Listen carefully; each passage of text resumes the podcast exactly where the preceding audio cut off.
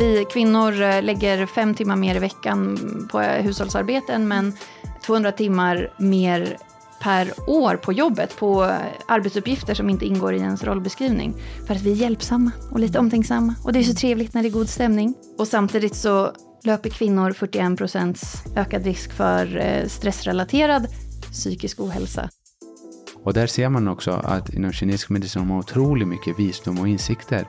Det finns möjlighet till, till att hjälpa, till att skapa förutsättningar som jag brukar kalla det för att man ska må bra i sin cykel till exempel. Mm. Vad är det man behöver veta? Jo, för det första behöver man leta efter det. För det andra måste man systematiskt använda sig av metoder som minskar risken för bristningar. Bara grundläggande kunskap som man inte tillämpar. Och det är oacceptabelt. Välkommen till hälsorevolutionen. Jag är Karina Lundstedt, förläggare och poddens producent. Och vi är så glada för att just du lyssnar på oss. Vi har vuxit en hel del de sista månaderna och nu har vi över 150 000 lyssningar per månad. Alltså nedladdningar av något avsnitt eh, av vår, vår podd. Mm. Ja, och vi har ju nu cirka 140 avsnitt i vår bank om du är sugen på att gå tillbaks och eh, se vad är det för ämnen som du kanske har missat.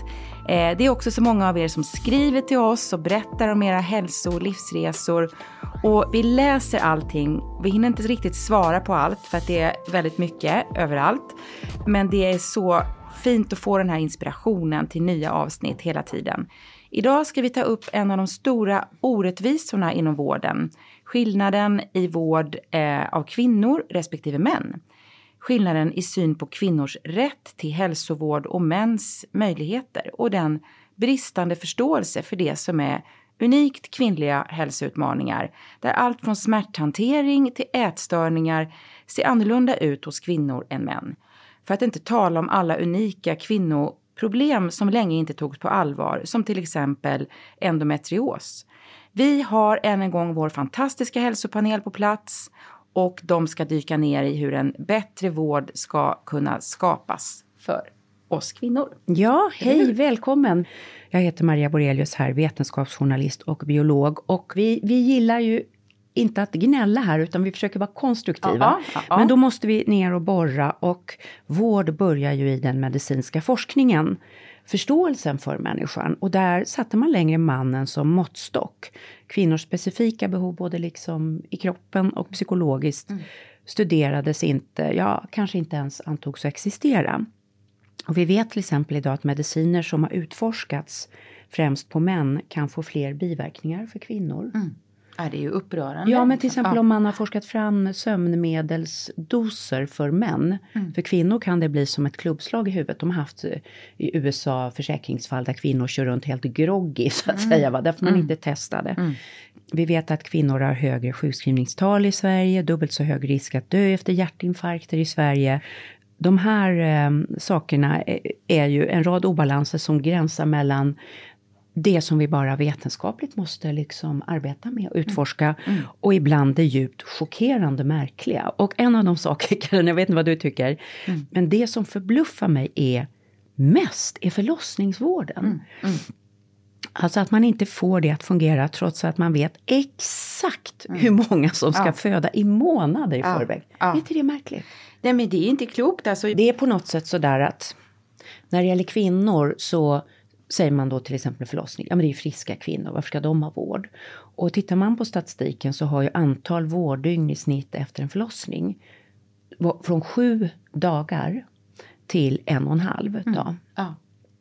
Nej, det är väldigt eftersatt på flera plan. Jag, jag upplevde väldigt mycket att det var så här, men det här är så naturligt och det, jo, det, och det är klart att det är naturligt. Men, men med det sagt så blir det också lite vifta bort så att ja, nu, nu ska du hem och amningen ja, men Det är naturligt att dö också. Ja, ja. Men det betyder inte att det inte är värt omsorg. Nej. Det är ju det, och jag tänker också, precis som du säger, mm. första gången man börjar amma, vad mm. vet man om amning efter ett och ett halvt mm. dygn? Noll. Jag fick så skitdålig hjälp eh, Första gången funkade det hur bra som helst. Andra gången, och det här är ett helt avsnitt får vi Ja, nästan säga, ja, vi, ja, vi, vi får, för vi går igång. Ja, vi går igång, vi går igång Ja. fruktansvärt. Nej men alltså med, med Oskar, mitt eh, yngsta barn, eh, han, det var jätte, jättesvårt att amma och han hade någon typ av intolerans upptäckte vi sen och liksom fick ont i magen av att amma. Och de, de bara tjatar på mig de här, på mödravården och bara nej men fortsätt bara, fortsätt bara och det är, det är liksom amning, amning, amning. Hade jag fått hjälp, jag är övertygad, hade jag fått någon som sagt bara ge nu bara flaska. Ja. För han vägde fem kilo. Han var så hungrig så han bara, han bara sög i sig, fick i sig all luft. Men du vet, då gör man som de säger. Och så blev det kolik och det var bara hällskrik i nästan ett år. Liksom. jobbigt. Och det kan man väl inte, man måste ju se till liksom Ja, men man måste få hjälp. Helheten, Och det handlar ja. ju om att vara nära kvinnan då Ja. och stödja och kunna titta på hur amningen går. Och när man inte har ammat så mycket innan, då vet man ju inte heller liksom hur mycket barn ammar. Utan man tror en jag gång var fjärde det, men, timme. men barn är så olika Ja, också. barn är Ja, olika och ja. har olika mönster. Ja. Men då har du fött en sån här, jag hade en 5,3 kilos bebis. Han var näst störst. Han var näst störst på sjukhuset. Den som var större var en liten pojke som var son till en turkisk brottare. Han vägde 6 kilo. Han var enorm. Och sen kom vi... Oskar vägde 4,930 och var längst eh, Ja. på BB Stockholm där han föddes. Han har något, möjligen fortsatt eh, något längdrekord där på 57 centimeter. Vilket är mycket. Ja, ni hör, här går vi igång. Vi går igång. På livets stora... Livets stora. Frågor. Men det här Mm. är en viktig, och vi ska få hjälp av vår hälsopanel att titta lite på det här för att ehm, det är lätt att gå igång på alla liksom känslomässigt, men vi ska försöka borra lite i det här. Och I kvinnohälsa i stort. I kvinnohälsa i stort och hur den kan bli bättre.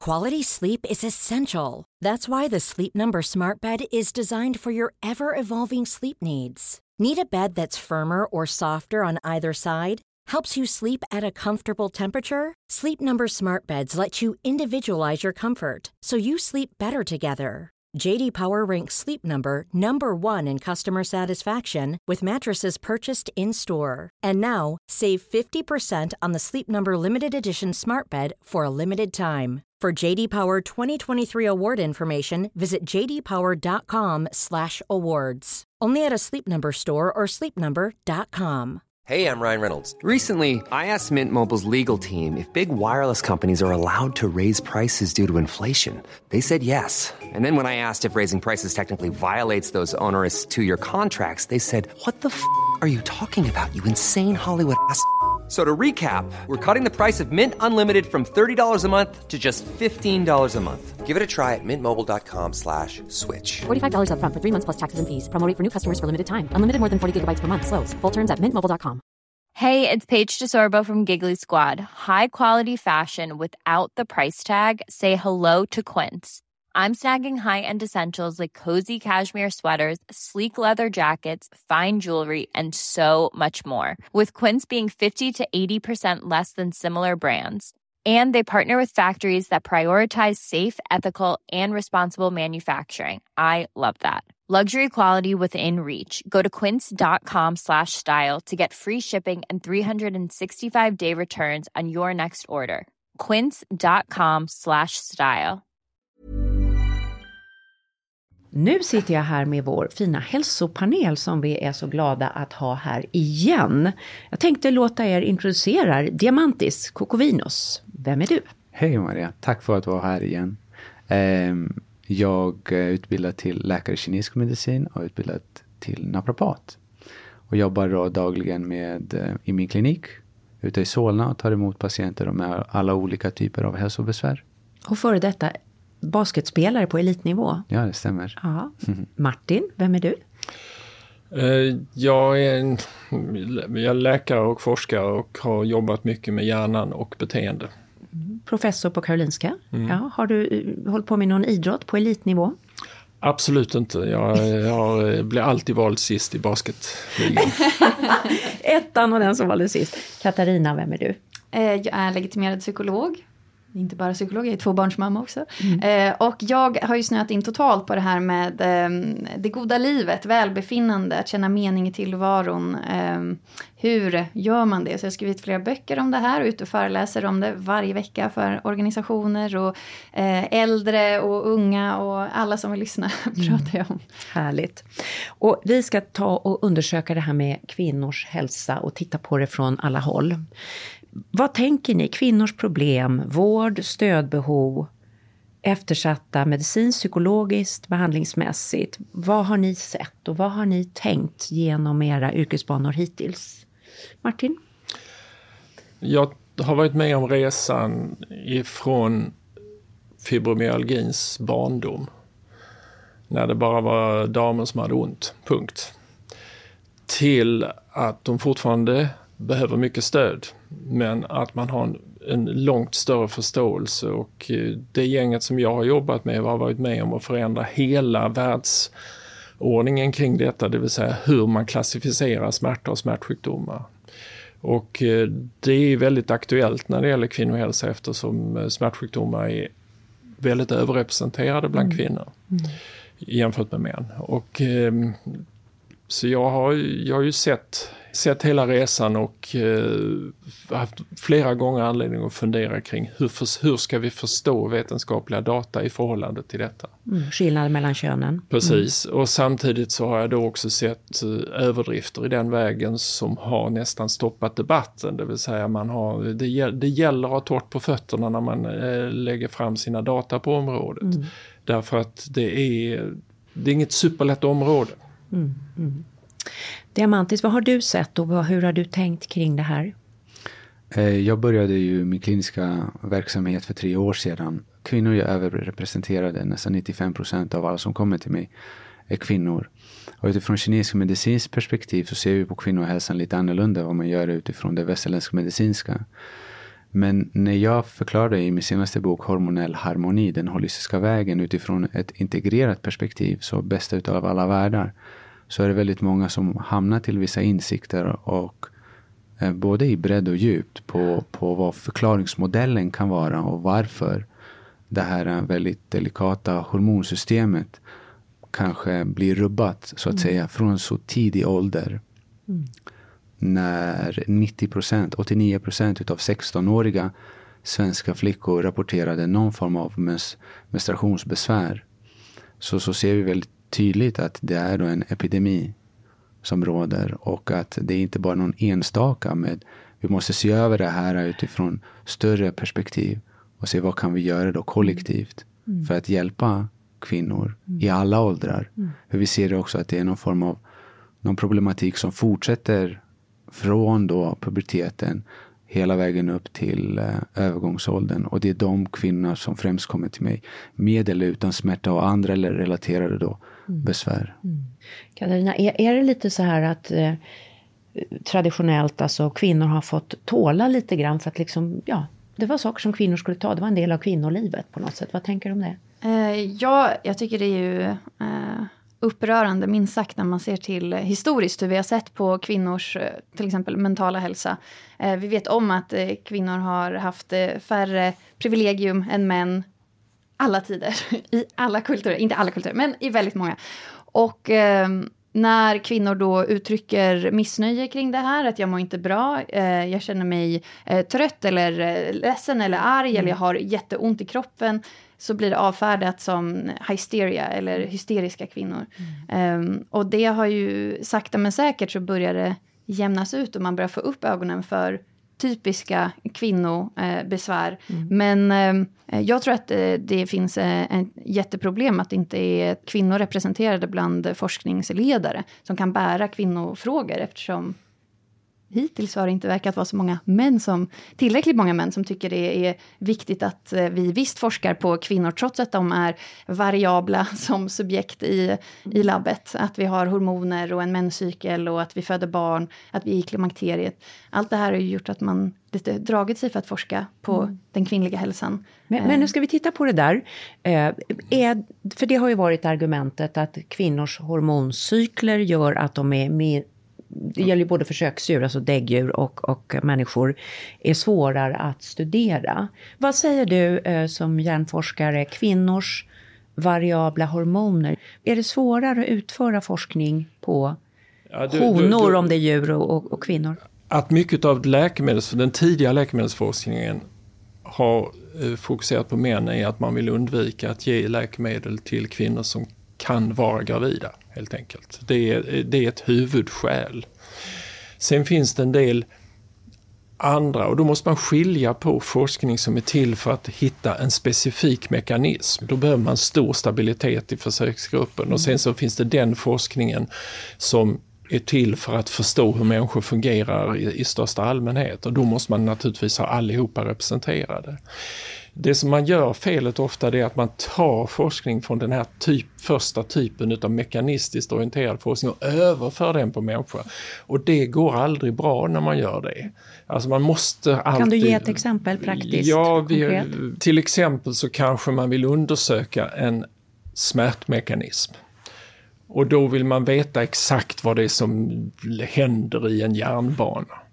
Och då vill man ju ha stor stabilitet i den försöksgruppen man har. Det gör ju inte att man kan ta data från det och tala om hur det ser ut i mänskligheten på det. Det misstaget görs ofta särskilt i populär eh, litteratur.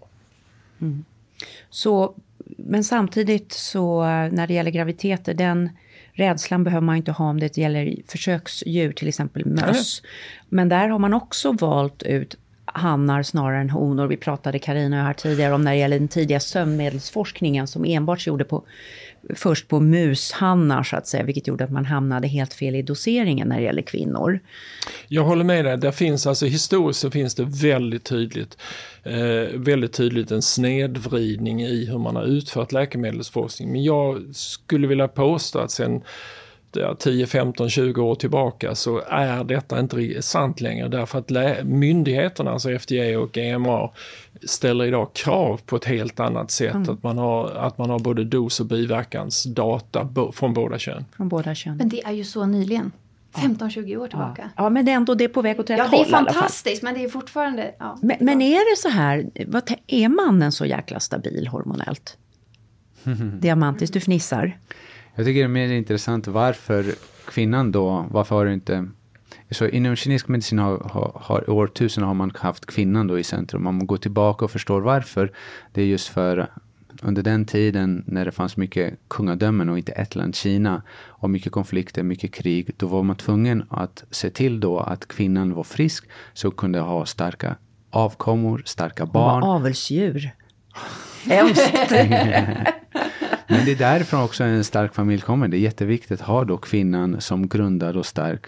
Eh, för att sedan också, hon är på något sätt pelaren, en av de pelarna då, de två pelarna i familjen. Och där ser man också att inom kinesisk medicin har man otroligt mycket visdom och insikter kring just varför alla de olika typerna av symptomen, hormonella relaterade symptomen, händer och varför. Och man har utvecklat dels en förklaringsmodell där man trots allt använder sig av metaforer men också väldigt bra behandlingsstrategier. Det finns, det finns möjlighet till, eh, till att hjälpa, till att skapa förutsättningar som jag brukar kalla det för att man ska må bra i sin cykel till exempel. Och eh, det är väl dokumenterat också. Nu kommer det också mer och mer då studier från den delen av världen, från den typen av medicinsk modell som visar då att man inte behöver kanske ta bort hela cykeln med p-piller bara för att man har ont. Trots att det kan vara ett alternativ. Jag menar, skräpmaten gör ju sitt till för den manliga hormonerna till exempel. Med, när levern engageras i mycket skräpmat så f- äter den snabbare igenom det testosteronet man har. Så man får alltså lägre testosteron av att äta fel mat. Så det Stress, och dåligt. stress. Så det för finns alltså massor utav olika faktorer som påverkar både män och kvinnor.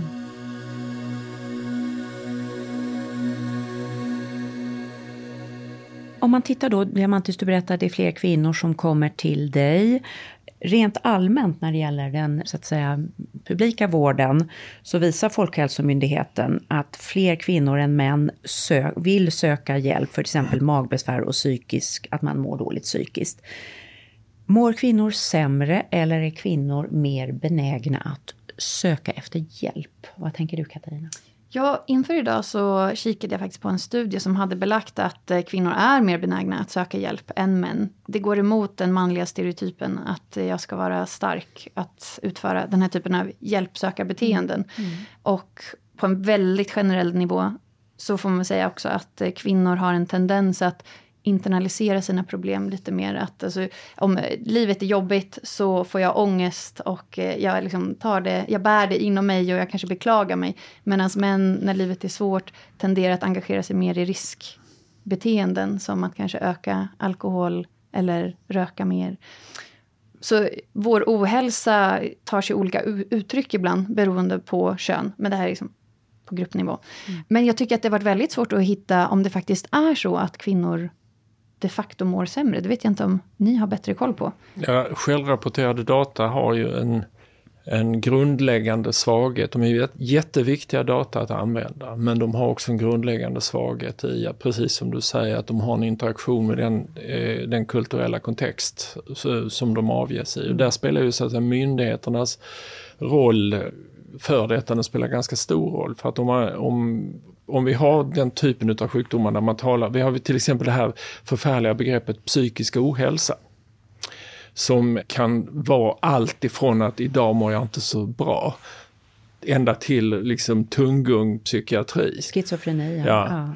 Eh, och om man har ett begrepp som har den bredden mm. då, och använder det statistiskt, då har det ingen mening. Mm. Och eh, psykisk ohälsa, eh, snedstreck eh, utbrändhet, snedstreck eh, kroniskt trötthetssyndrom och så vidare.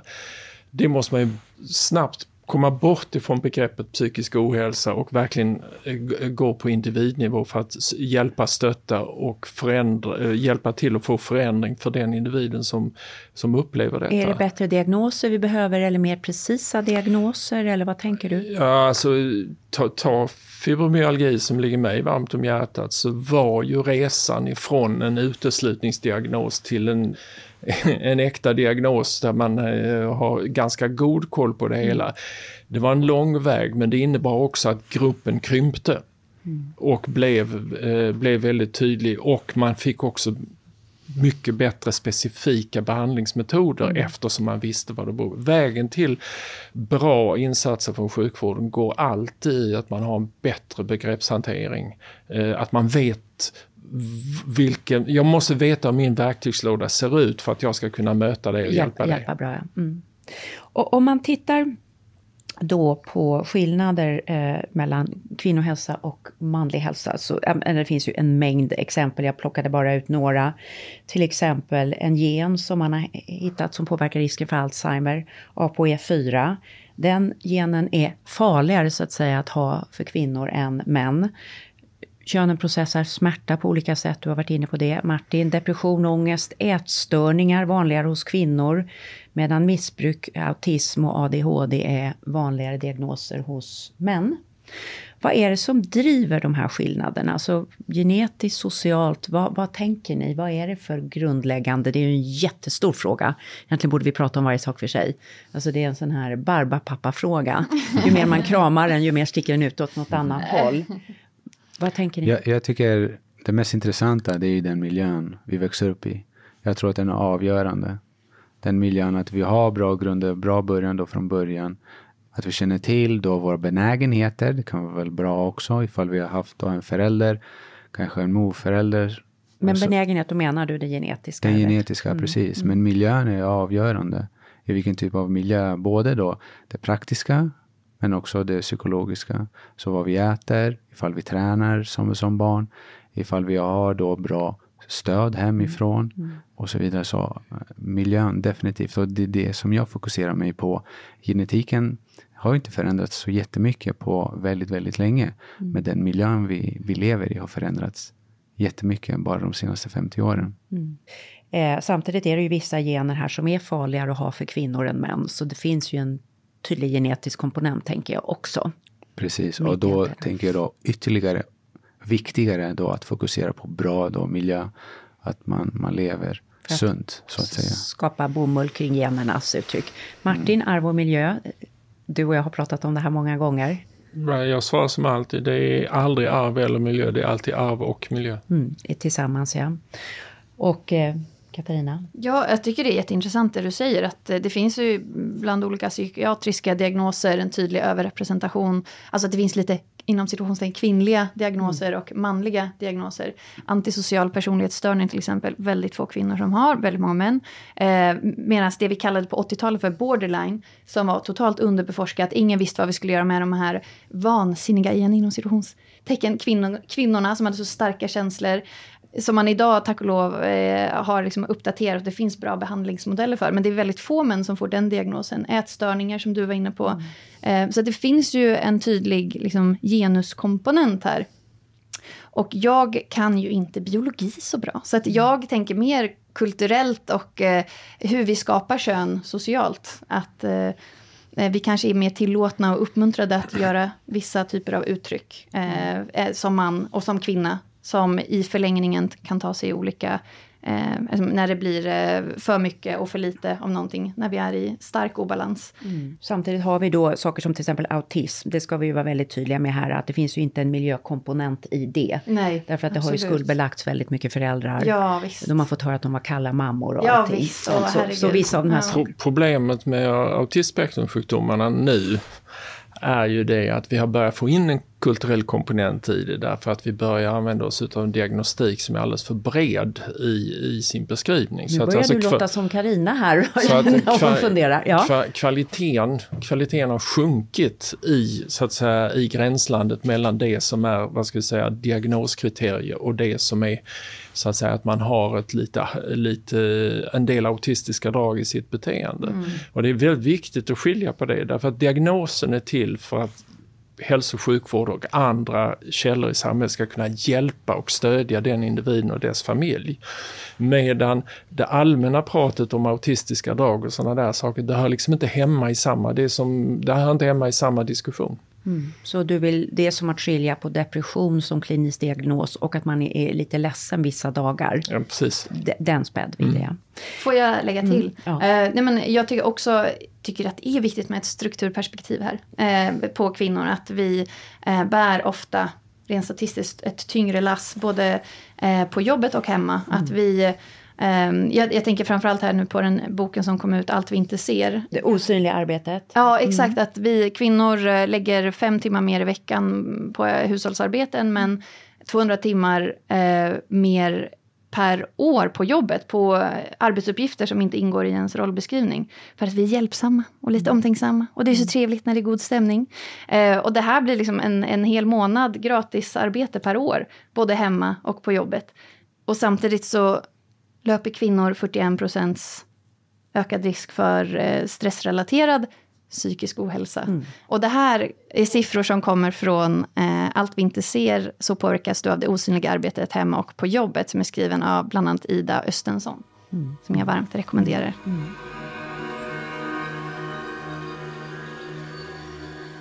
Men om mannen då har varit normen i vården och medicinsk forskning, har, har kvinnlig fysiologi och kvinnliga liv haft lägre status i vården? Alltså, vi, vi har pratat om det, för att för att vilja titta på det här måste man ju då erkänna att det finns skillnader. Både i, i den kvinnliga biologin och, och kvinnor och mäns liv. Har, har, det haft, varför har det inte tittats på? Har det varit för att det har varit lägre status eller har det varit för att liksom, kvinnor varit osynliggjorda? Eller vad, vad har det berott på, de här skillnaderna? Läser man gamle Freud så får man sig en, en ganska stark startkurs i eh, genusteori. Eh, det vill säga att konsten att osynliggöra hälften av befolkningen. Och samtidigt studera den delen av befolkningen och eh, eh exotisera, mm. skulle jag säga, eh, den delen av befolkningen. Och det har ju varit ett starkt kulturellt, eh, vad ska jag, ska jag kalla det för, en våt filt över, över både psykologisk forskning men också över medicinsk forskning under, mm. under hundra år. Mm. Mm. När vi nu äntligen börjar bli fria av det så ska vi ju fira det och då tycker jag att bästa sättet att fira det är att skaffa mer och bättre kunskap. Mm. Så Freud har lagt en våt filt över vården? han, är ett, jag, han är ett uttryck för Freud-tänket. Mm, Freud-tänket Freud är ja. ett uttryck för, för hur man kan eh, göra fel i en fråga. Ja, ja. Och Diamantis, vad tänker du? Kineserna har ingen Freud. De har lite andra Vi har många halvgalningar. Må- många, många olika som faktiskt, um, väldigt många män också så som i andra delar av världen som har drivit den här frågan. Och där har också väldigt påverkad av filosofin och buddhismen, buddhismen till exempel. Så uh, det här med jämlikhet och jämställdhet har, har varit, eh, lyfts också inom medicinen på ett annat sätt. Och återigen tillbaka just till kvinnan så att hon var i centrum. Vi ser det lite på annorlunda sätt eh, inom kinesisk medicin. Och jag trodde just därför att ett integrera det på, på, tillsammans med västerländsk skulle faktiskt generera bra många fler svar. Mm. Kanske inte bara på, på ett biologiskt plan men också på, på ett annat. För vi ser, vi pratar ju då om yin och yang. Och att kvinnan är mer yin och man är mer yang. Och då menas att kvinnan som är mer yin är att det finns en större benägenhet på grund av just den här olikheten eh, att kvinnor ifall man pushar sig själv för mycket att man kan ha, få då symptom. Och det här är inte då alla. Återigen, vi har olika konstitutioner. Men vad jag ser att det finns en form av benägenhet för kvinnor och därav har jag också då 95 procent av alla kvinnor kommer till mig. På så sätt för att i den här eh, psykologiska prestationen så har också kortisonnivåerna och stresshormoner så mycket högre. Så vi behöver då tippa över, vara mer här och nu.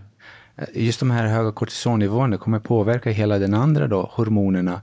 Och just på grund av menstruationscykeln så, så är man i mer benägenhet att en form av rubbning kommer då uttrycka sig mycket tidigare än vad det kommer göra då hos män. Men då kan man väl nästan säga att det handlar egentligen inte om vad du gör utan hur du mår. Och att kvinnor är mer Precis. sårbara för stress i, enligt den här kinesiska... Tack. Okej. Det, det, det är de i råttförsök också. Råtthonor är mer sårbara för stress, vilket är intressant. Martin? Min erfarenhet av eh, kinesisk medicin eller kinesisk kultur omkring detta, den är liksom raka motsatsen. Jag har ju min eh, tidigare medarbetare som har gjort stora eh, undersökningar omkring smärta och dysmenorré, alltså eh, menstruationssmärta. Och eh, hans vittnesmål om hur mottagandet inom den kinesiska kulturen var för hans intresse för detta forskningsområde är som att åka tillbaka till eh, 10-talet i Sverige. Alltså det var, det var helt förödande kritik bara för att han valde det forskningsområdet som man. Så att jag, jag är inte alls eh, lika så att säga förlåtande för eh, den typen av referenser till en tradition som faktiskt inte är definierad. Men det kanske är så att det är skillnad på en kinesisk tradition och Kina som samhälle idag.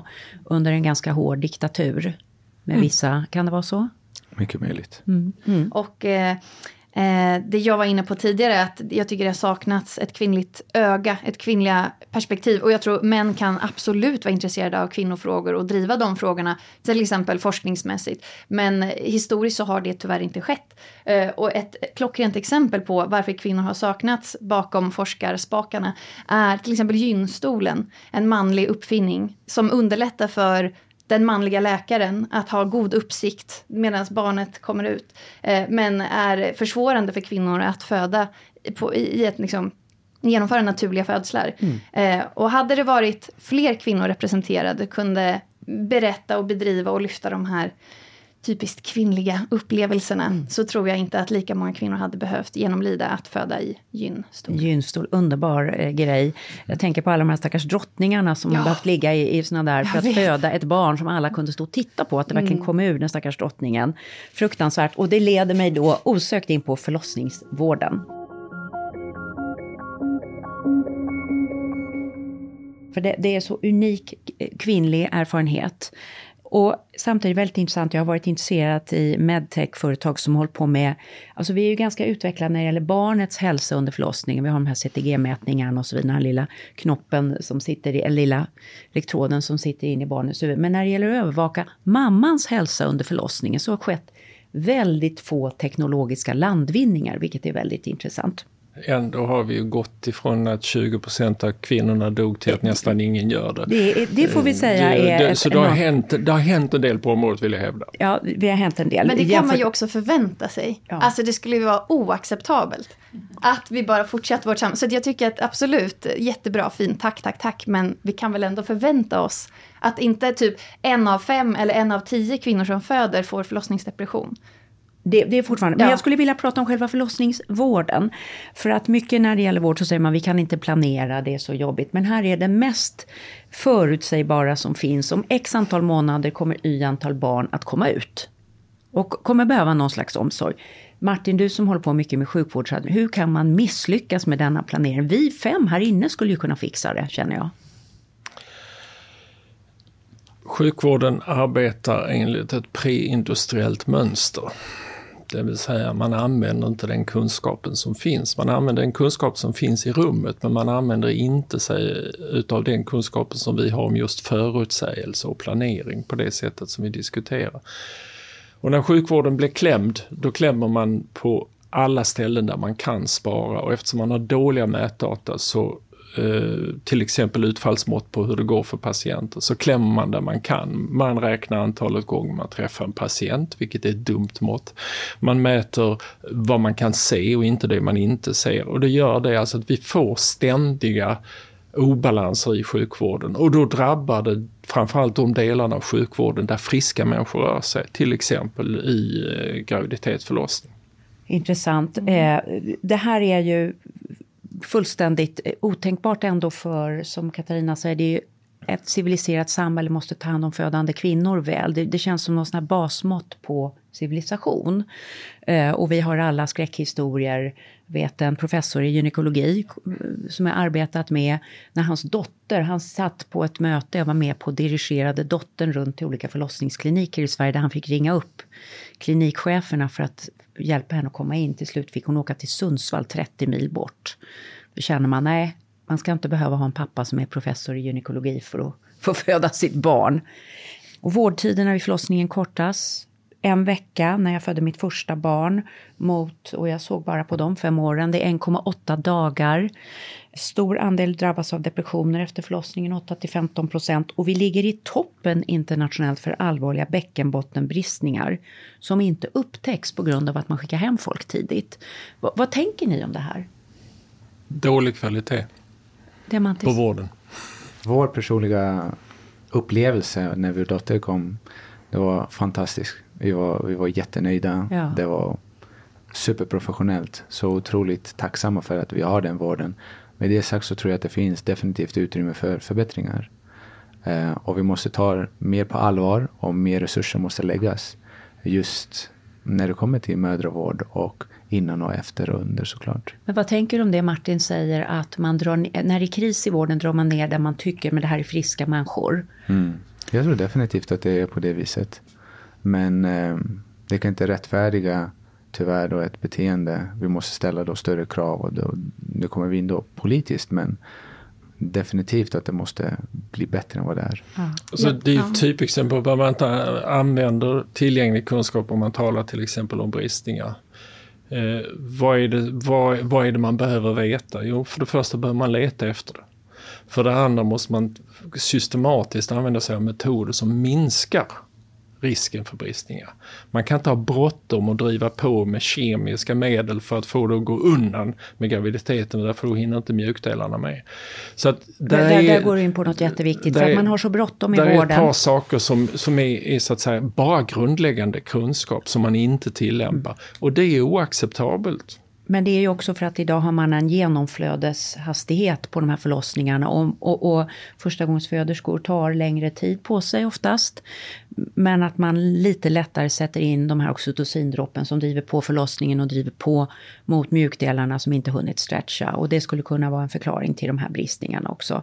Så bråttom, bråttom, ont om pengar. Jag skulle säga att normerna är också ett problem här. Att, eh, jag tycker att eh, det finns en uppfattning om att ja, men du har ju fött ett barn. Hur förväntar du att du ska må efteråt. Eh, om man säger att det gör ont eller jag känner mig alldeles eh, traumatiserad här, jag trodde jag skulle dö, etc. etc.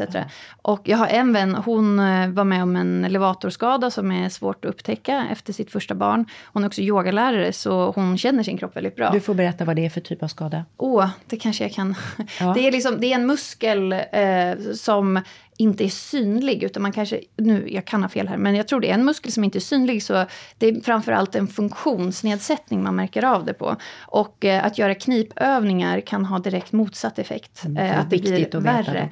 Eh, och det här är ny kunskap. Mm. Och som min då vän sa, om jag hade blivit av med en hälsena, så hade jag fått betydligt bättre vård. Samtidigt så har kvinnor fått barn i exakt alla tider. Hur kan vi veta så lite? Hur kan det vara ny kunskap? Hur kan jag blivit så missad i vården? Och det tycker jag sätter fingret på hela det här avsnittet med kvinnohälsa. Att det anses vara så komplicerat eller vi ska liksom inte lägga pengar på det här eller det, det är inte intressant eller kvinnor klarar sig alltid ändå. Och som Martin så riktigt var inne på, att man stramar åt där det är friska individer. Men eh, vad blir det för konsekvenser? Det skapar ju väldigt mycket ohälsa och lidande. Och ibland livslånga men för hälften av befolkningen. Jag tycker det är helt farligt. För mig så är, är, det uppenbart att det är bara med rationell kunskap, det vill säga där man systematiskt går igenom hur man ska göra som, det, eh, som, som vi kan komma framåt på området. Ett av de problemen vi har med, eh, med just eh, förlossningsvården är ju att vi har, vi har en väldigt stark muntlig intern kulturtradition, vilket gör att du kan till exempel gå till olika avdelningar och hitta ganska olika vårdrutiner. Det vill säga man har inte så att säga en gemensam mellanprofessionell överenskommelse om vad som är bästa möjliga vård. Det gör ju att jag är inte alls lika, jag, eller rätt sagt jag är väldigt kritisk med mot hur man driver utvecklingsområdet förlossningsvård. Och det här beror ju också på att man inte har ägnat forskningstid åt detta och kunskapsöverföring. Därför man har tä- tänkt att det, det handlar om friska, friska kvinnor. Och jag skulle också säga att det handlar om eh, Sjukhus är ju väldigt hierarkiskt organiserade. Och just kring förlossningar så sitter barnmorskan på en enorm erfarenhet, en enorm kunskap. Men där barnmorskor kanske inte alltid prioriteras på det sättet som, eller att deras kunskap inte får nå fram på det sättet som skulle kunna behövas i många av de normala fallen av liksom friska födslar. Det där är en stor egen diskussion. Mm. Vi, ska, vi får komma tillbaka till det. Jag tänkte ta avslutningsvis här en vård, för det första medicinsk forskning och vård, både kroppslig och själslig. Eh, och behandlingar som tar kvinnors liv, kvinnors fysiologi, kvinnors arv, kvinnors erfarenheter på allvar. Hur kan den se ut? Jag kan börja med eh, förlossningsvården. Eh, nej, men jag tycker själv att eh, när jag blev mamma, eh, jag blev förvånad över antalet broschyrer jag fick i min hand om att inte skaka min bebis när jag blir frustrerad. Alltså att undvika shaken baby syndrome, vilket är jätteviktigt. Men jag tror inte det är mega vanligt, även om det är väldigt farligt. En broschyr hade gärna fått handla om basal psykoedukation. Vad händer när man har sömnbrist? Vad händer i en partnerrelation när en plötsligt blir väldigt behövande och den andra ska ta hand om och, och steppa upp? Eh, hur kan man kommunicera eh, när ens känslor far åt alla håll? Eh, så att bara väldigt enkla saker. Hur man påverkas av sömnbrist, hur man reglerar sina egna känslor. Vad är det för bra grundläggande rutiner att hålla i för att liksom få en bra start på familjeprojektet. Och det har faktiskt börjat komma nu. Bara sista åren eh, har jag sett flera sådana här föräldrastödsappar med psykologstöd. Bra, bra konkret tips. Mm. Eh, Diamantis? Om vi fortsätter på samma spår så brukar jag då ta emot både mannen och kvinnan, de som kommer med fertilitetsutmaningar och, och då väldigt tydligt mannen att när då ni kommer hem efter förlossningen att det är ditt ansvar städa, handla, laga mat och så vidare. Jätteviktigt med återhämtningen för kvinnan efter då förlossningen. Och vi har någonting som heter inom kinesisk medicin 40 dagar för 40 år. Och då vad vi ser det som att återhämtar sig inte kvinnan på rätt sätt eller får förutsättningar under de här 40 dagarna så kan då olika typer av obalanser följa med henne då under 40 år. Det är barnets puerperium, det är de här sex magiska veckorna. Det är precis, precis den tiden. Ja. Precis. Mm. Mm. Och det är jätteviktigt också för anknytningen. Det är jätteviktigt för att hon ska bli stark igen. Och där är också inblandad en väldigt eh, näringsrik kost med mycket, mycket sömn, så gott det går såklart, avslappning och så vidare. Mm. Så till alla männen, där måste vi steppa upp och mm. eh, hjälpa till. Och att få tio dagar ledigt kan låta som ett privilegium ifall man bor i Asien. Men, Nej, men jag ska säga, i Afrika så är det självklart att en kvinna får ligga ner ett antal veckor. Precis. Men då är det andra kvinnor som hjälper henne. Ja. Och här har vi ju inte det, så, så, så det är en ny roll för mannen. Mm. Den vårdande, lyftande kan man säga ja. kring detta. Men jättebra att du tog upp det, för systerskapet där är också någonstans då vänner och bekanta. Man kanske inte behöver ännu en body. 39 body, man kanske behöver att någon kommer hem och städar mm. eller bara lagar mat och så mm. vidare. Mm. Ja, bra, till, konkret. Martin? I det här friska ifrågasättandet av nuvarande förlossningsvård så är det ändå otroligt viktigt att inte ge upp den rationella kunskapen runt omkring det. Mm. Det finns eh, väldigt trenddrivna olika idéer runt omkring detta. Bara Genom min egen resa tillsammans med hustru så har vi... Och fyrabarnspappa och fyrabarnspappa. Så har man, ju varit, har man varit med om när man ja. begick ett lagbrott och man inte tillät att barnen skulle få silvernitratdroppar i ögonen för, på grund av gonorrérisk. Till att man skulle göra alla sina barn eh, till knackare om eh, mamman fick smärtlindring. Till att om man tog smärtlindring och på något sätt så skulle förlossningen bli onaturligt. Alltså det fanns så mycket mm. trender och mm. i med då forskarspråk eh, så kallar man det då för skitprat runt omkring det här mm. med förlossning. Alltså det, det grundläggande, att föda ett friskt barn och att behålla en frisk mamma, det är liksom det som är grundidén med, med det hela så att allt det här andra vi pratar om kan komma, komma till, till skott. Så du efterlyser mer forskning kring detta så vi har data och kan fatta kloka beslut? Jag efterlyser en debatt som inte bara tar avstånd ifrån det som bra och välorganiserad vård ändå har åstadkommit ja, är... över de sista hundra mm. åren. Ja, klok, klok poäng. Okej, eh, det här blev ett eldfängt samtal men det är stora och viktiga frågor och då har vi eh, ytterligare, du har talat Martin om att det är fantastiskt att mödra och spädbarnsdödligheten har gått ner också, vilket vi också ska nämna i detta. Eh, och en annan sak som jag kommer att tänka på, jag jobbade ju som sjukvårdsbiträde extra när jag slutade skolan. Och då fanns det ett uttryck som hette SVBK, Sveda, verk och brännkärring. Ett fantastiskt uttryck som var något som man skrev i journalerna eh, när kvinnor kom med diffusa värksyndrom.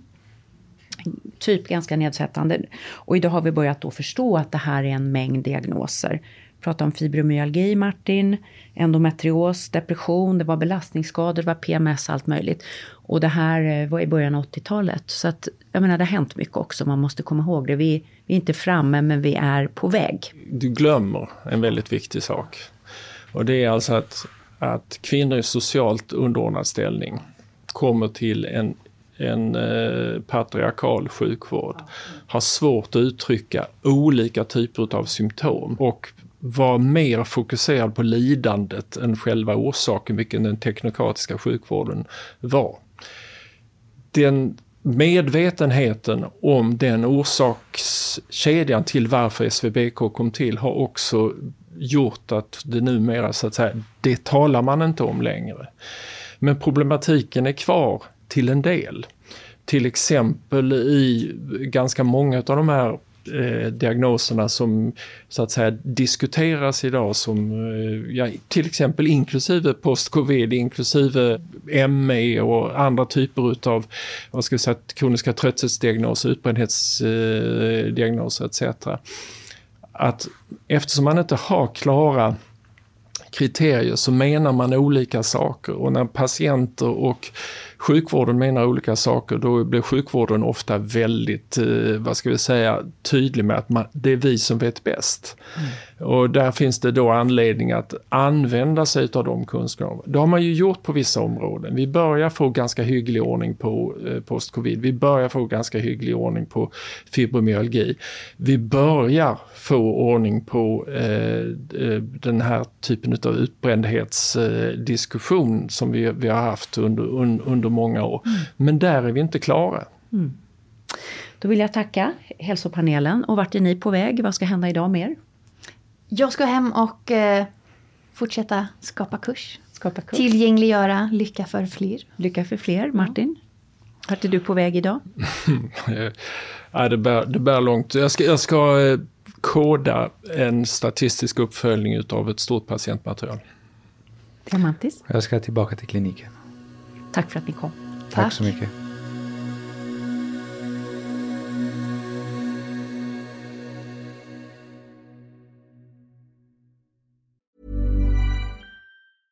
Mother's Day is around the corner. Find the perfect gift for the mom in your life with a stunning piece of jewelry from Blue Nile. From timeless pearls to dazzling gemstones, Blue Nile has something she'll adore. Need it fast? Most items can ship overnight. Plus, enjoy guaranteed free shipping and returns. Don't miss our special Mother's Day deals. Save big on the season's most beautiful trends. For a limited time, get up to 50% off by going to BlueNile.com.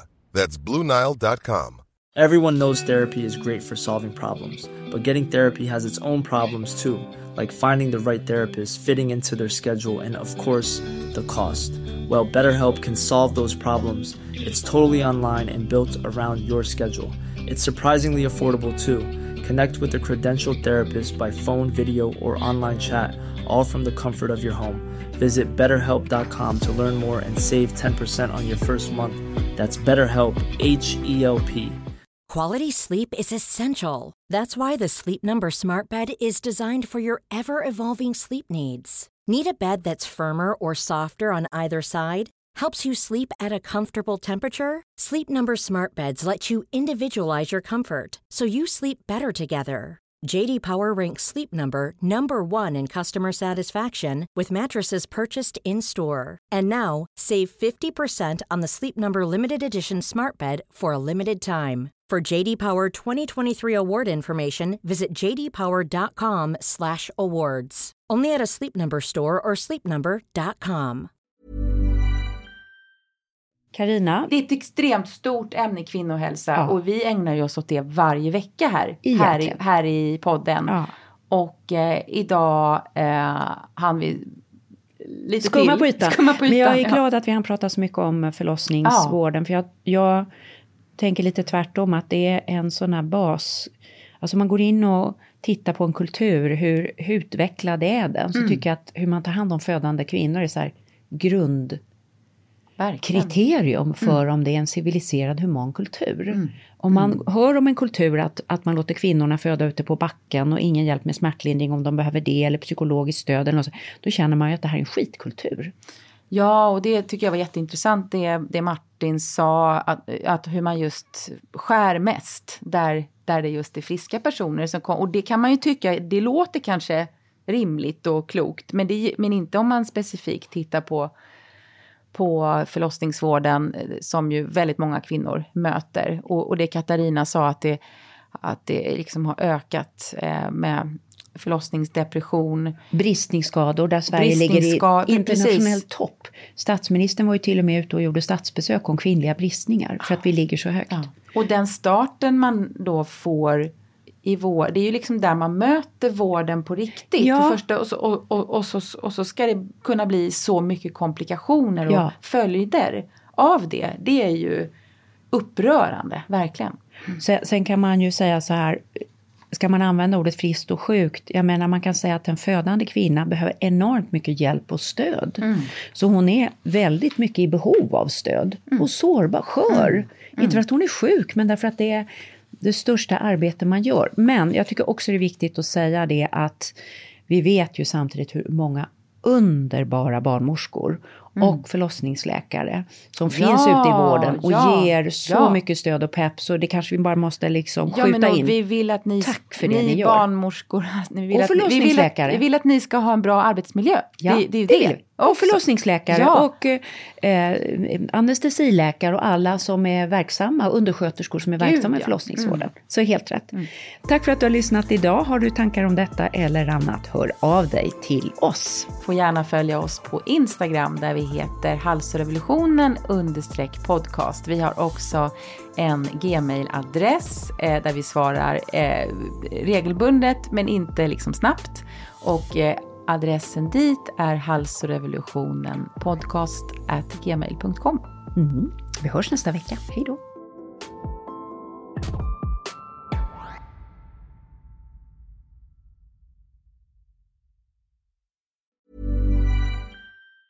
Hey, it's Danny Pellegrino from Everything Iconic. Ready to upgrade your style game without blowing your budget? Check out Quince. They've got all the good stuff shirts and polos, activewear, and fine leather goods, all at 50 to 80% less than other high end brands. And the best part?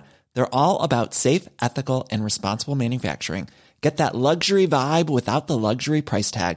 Hit up quince.com slash upgrade for free shipping and 365 day returns on your next order. That's quince.com slash upgrade.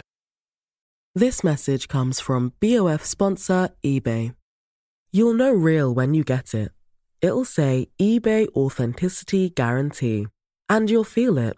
Maybe it's a head turning handbag, a watch that says it all, jewelry that makes you look like the gem, or sneakers and streetwear so fresh every step feels fly. eBay gets it. So look for the blue check mark next to that thing you love and be confident that every inch, stitch, sole, and logo is checked by experts. With eBay Authenticity Guarantee, you can trust that feeling of real is always in reach. Ensure your next purchase is the real deal. Visit eBay.com for terms. Planning for your next trip? Elevate your travel style with Quince. Quince has all the jet setting essentials you'll want for your next getaway, like European linen, premium luggage options, buttery soft Italian leather bags, and so much more. And is all priced at 50 to 80% less than similar brands. Plus, Quince only works with factories that use safe and ethical manufacturing practices. Pack your bags with high-quality essentials you'll be wearing for vacations to come with Quince. Go to quince.com slash pack for free shipping and 365-day returns.